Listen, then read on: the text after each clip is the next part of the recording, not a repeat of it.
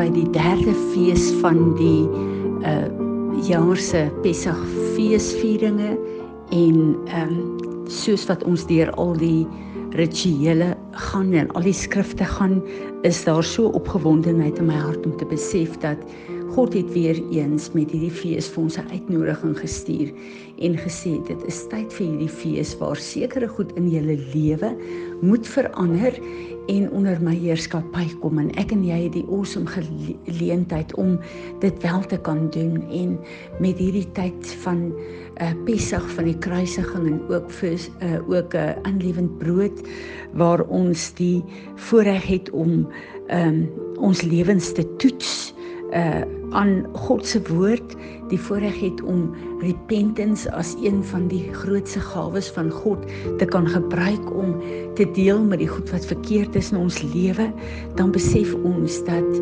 ehm um, die feeste wat God ons toelaat om te vier, is nie net rehearsals uh vir die ewigheid nie want ons gaan dit vier tot in alle ewigheid maar dit is ook die seisoen waar ek en jy kan deel met die goed wat um in ons lewe verkeerd is en dat ons onsself kan meet aan die oorwinning van die kruis van Golgotha.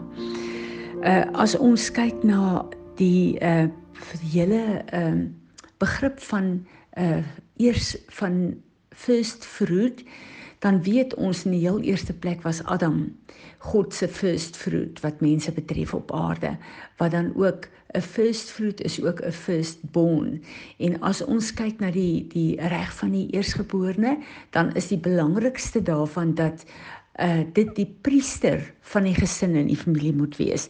Dit wil sê die een wat in hierdie verhouding met God wandel wat Adam mee gewandel het, wat in kontak met God is, wat met God kan praat, uh ook namens die res van die gesin as ons kyk na die Ou Testament. Vandag is ek en jy God se priesters in die orde van Melchisedek. So ons is in die Nuwe Testament in sy liggaam. Elke een van ons is nou 'n priester. Elke een van ons bid nou self en het self hierdie verhouding met God. Maar ehm um, dit was vir my hierdie jaar so openbaring geweest toe ek besef die belangrike rol wat die uh, uh, priesterorde speel in Pessach en in die first fruit offerings. Nou as ons kyk na wat gebeur het uh voor Eksodus 12 waar ehm um, die eerste Pessach gevier is dan kyk ons na die pla van Egipte en wat eintlik daar gebeur het. Ehm um, nou die laaste plaag, uh die dood van die eersgeborenes. Lyk vir ons of dit net die dood is van die oudste seun, maar die eersgeborenes in al die afgode se families is ook die priesters van daardie gesin. So wat die Here eintlik gesê het vir Farao wat 'n tipe van die vyand is, is ek gaan jou priesterorde uitwis sodat daar geen aanbidding vir jou meer kan wees vanaf die aarde nie. Nou moet ons weet van die begin af toe Moses vir Farao gesê het, die Here sê los my mense dat hulle my kan aanbid. Was sy hart hart net nee nee gesê, hy het gesê nee, al die aanbidding op aarde behoort aan my, wat die waarheid is. So dit gegaan oor die worship. Nou kom God met die laagste pla laaste plaag en hy sê ek gaan jou eersgeborenes gaan ek doodmaak. Dit wil sê ek gaan jou priesterorde uh afsny hier op aarde. En ehm uh, as ons dan kyk hoe die mense ehm uh, uit uh Egipte uitgetrek het, hoe hulle deur die Rooi See is en hoe hulle op die plek uh gekom het waar ehm um, waar uh, uh, uh, hulle het nou net klaar Pessach gevier, onthou die dood en die opstanding van Jesus deur die Rooi See was hy was hy uh, doop gewees nou is hulle op pad na die verbond toe by Sinai waar God 'n verbond met hulle hulle sluit om hulle op 'n plek te bring waar hierdie opstandingskrag van Jesus Christus wat hom as die first fruit uit die graf uit sou haal uh dit was nou voor die die opstanding en die kruisiging gewees. Hulle het dit net gevier elke jaar wat 'n heenwysing na die kruisiging is. Ek en jy die voorreg om te lees na uh, te leef na die kruisiging. So ek en jy is reeds wedergebore en daai opstandingskrag, die inwoning van die Heilige Gees is reeds in elke een van ons. Maar kom ons kyk bietjie wat gebeur het met die met die uh, goue kalf. Uh Moses was op die berg gewees en uh die volk het net eenvoudig gesê nee, maar hulle soek 'n God wat hulle kan sien, wat hulle wil aanbid en ons weet dit is die gode van Egipte en hulle het 'n uh, uh, hulle goue goed gegee en hulle die goue kalf gemaak en hulle daai goue kalf aanbid. Nou daai aanbidding gaan alles oor die priesterorde want is altyd die priester wat uh, tussen God en die mense staan.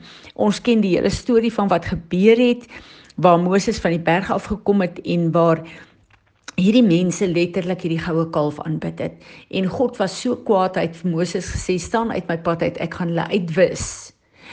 en ek sal uit jou uit 'n nasie voortbring en Moses het ingetree en gesê asseblief Here moenie dit doen nie en die woord sê daar 'n absolute fenominale ding die woord sê as gevolg van Moses se gebede het God van gedagte verander wat hierdie volk betref en toe het Moses vir die volk gesê kom en wie vir die Here is kom staan hier by my En Levi was die enigste een van die stamme wat nie deelgeneem het aan hierdie afgodsaanbidding en die goue kalf nie.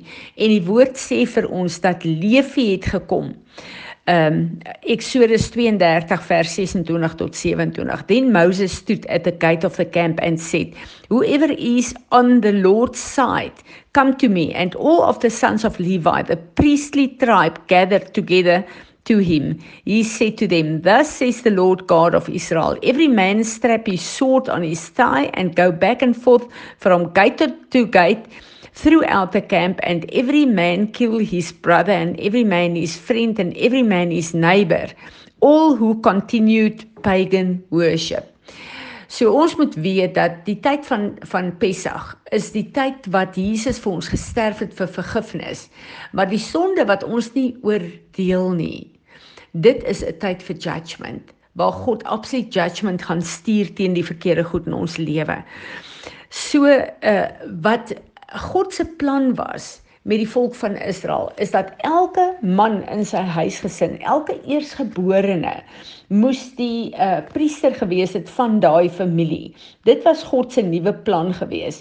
En hier het hulle gekom en hulle het nie belang gestel daarin nie. Hulle wou gode gehad het wat met mensehande gemaak is, met goud gemaak is sodat uh hulle kon kon uh uh afgode aanbid. En die leviete wat die priesterorde geraak het van die Ou Testament, was nie God se eerste plan nie. Sy eerste plan was in elke huis moes die eersgeborene opgestaan het as die verteenwoordiger van God, die priester in daardie gesin en daai gesin gelei het. En dit laat ons ook verstaan dat dat uh uh Jesus wat wat die uh, eerste uh, Israel wat God se eersgeborene was. God het Israel gekies as sy eersgeborene. Hulle moes God gedien het sodat die ander nasies kon sien hoe lyk 'n volk wat God dien en dat hulle moes verander om God te dien soos die uh, Israeliete. En ons weet dat Israel het ook totaal geval in sy plek as uh, in hierdie uh, priesterorde. En daarom het Jesus gekom uh, in die tempel voor die kruisiging, het hy die die uh, tafels, die trading tafels van die vals priesterorde het hy omver gegooi en dit uitgegooi en hulle uitgejaag. Want wat daar gebeur het is daai trading dit was die die vals demoniese priesterorde gewees. En hy uh, hulle het die trading daar gedoen wat uh, letterlik die aanbidding was vir hierdie uh, afgodery en daarom het Jesus gekom en daar ook daai priesterorde het hy omver gegooi. Want hy het gesê my vader se huis is nie 'n rowersnes nie en uh, dit was 'n uh, toe hy dit gedoen het het hy die levitiese priesterorde uh omver gegooi So dit was die einde van die Levitiese priesterorde. Ons ken die uh, storie verder. Jesus het op Golgotha gesterf en deur sy opstanding het hy die eerste vrug geword. Israel het geval, maar Jesus, die enigste seun van God, is die eerste vrug en hy is die model waarop ek en jy as die priesterorde van Melchisedek tot in alle ewigheid vandag uh vir God priesters op aarde kan wees. En daarom is dit so belangrik en dit is hoekom ons first fruits ook bring. Ons kom en ons kom gee dit aan God om te sê Here, ons eer U met die beste van alles. En hierdie jaar was dit vir my so wonderlik geweest. Mense dink altyd aan die die first fruit offerings waar die Here vir ons die belofte gee in Efesiërs uh, 14 dat dit is die down payment, letterlike versekeringspremie dat die res van die oes sal lyk. Ehm um, en hier gaan dit baie oor die oes van dit gegaan oor jou eerste van jou vee, jou eerste van jou uh inkomste wat jy kom en wat jy op 'n first fruit offering dag vir die Here gee. En hy sê vir ons in in Esegiel 44 vers 30 and the first of all the first fruits of all kinds and every offering of all kinds from all your offerings shall belong to the priest. Ehm um, waar die Here kom en sê alles, alles wat jy uh, op aarde verdien en wat jy kry, bring jy eerste van die Here af om hom te eer en te sê Here, U is die bron van alles in my lewe en uh uh so hierdie jaar uh kom ek met die first fruit offering en ehm um, die Here fokus my op iets wat ek nog nie voorheen gefokus het nie. As die first fruit offerings ons align met God se oorspronklike, die tuin van Eden, dan verklaar ons dat ons hele lewe kan lyk weer soos God se oorspronklike plan. En ons praat hierdie jaar veral oor die priesterorde. Adam, wat God se eerste priester was op aarde, het met God gewandel daagliks. En sy vlak van verhouding dink ek kan ons sien in uh, uh die lewe van Enog wat so na aan God gekom het terwyl hy nog 'n mens op aarde was dat hy net oorgestap het in die ewigheid in. En hierdie jaar is dit my gebed dat God ons elke een in 'n nuwe dimensie van verhouding met hom sal vat. Dat ons letterlik op aarde deurdrink sal wees met sy teenwoordigheid. Amen. Piet, sal jy vir ons weer bid asseblief? Jy werk ook om vergifnis vra waar vir ons die orders verwerp het. Jy weet waar ons nie belang gestel het om om 'n priester te wees in u koninkryk nie. Jy weet waar ons nie belangstel om deel te wees van wat wat u vir ons beplan het nie. Waar ons nie belangstel om deel te wees van u strukture nie. Jy weet waar ons nie belangstel om te realign met ons verhouding in u sodat dit kan lyk like, soos die voorbeeld wat u vir ons gestel het met Adam nie. Here vergewe ons vir waar ons nog vasgevang is in in die gode van Egipte.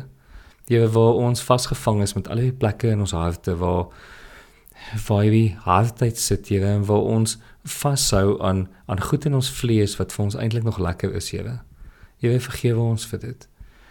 Here ek wil ek wil vir u vra dat ons opnuut onsself by altaar kom neerlê, gees, siel en liggaam. Here kom brand oor ons, kom brand oor enigiemand wat wat nou hierdie podcast luister. Jy weet dit dat U ons sal realign in dit wat U ons geskep het.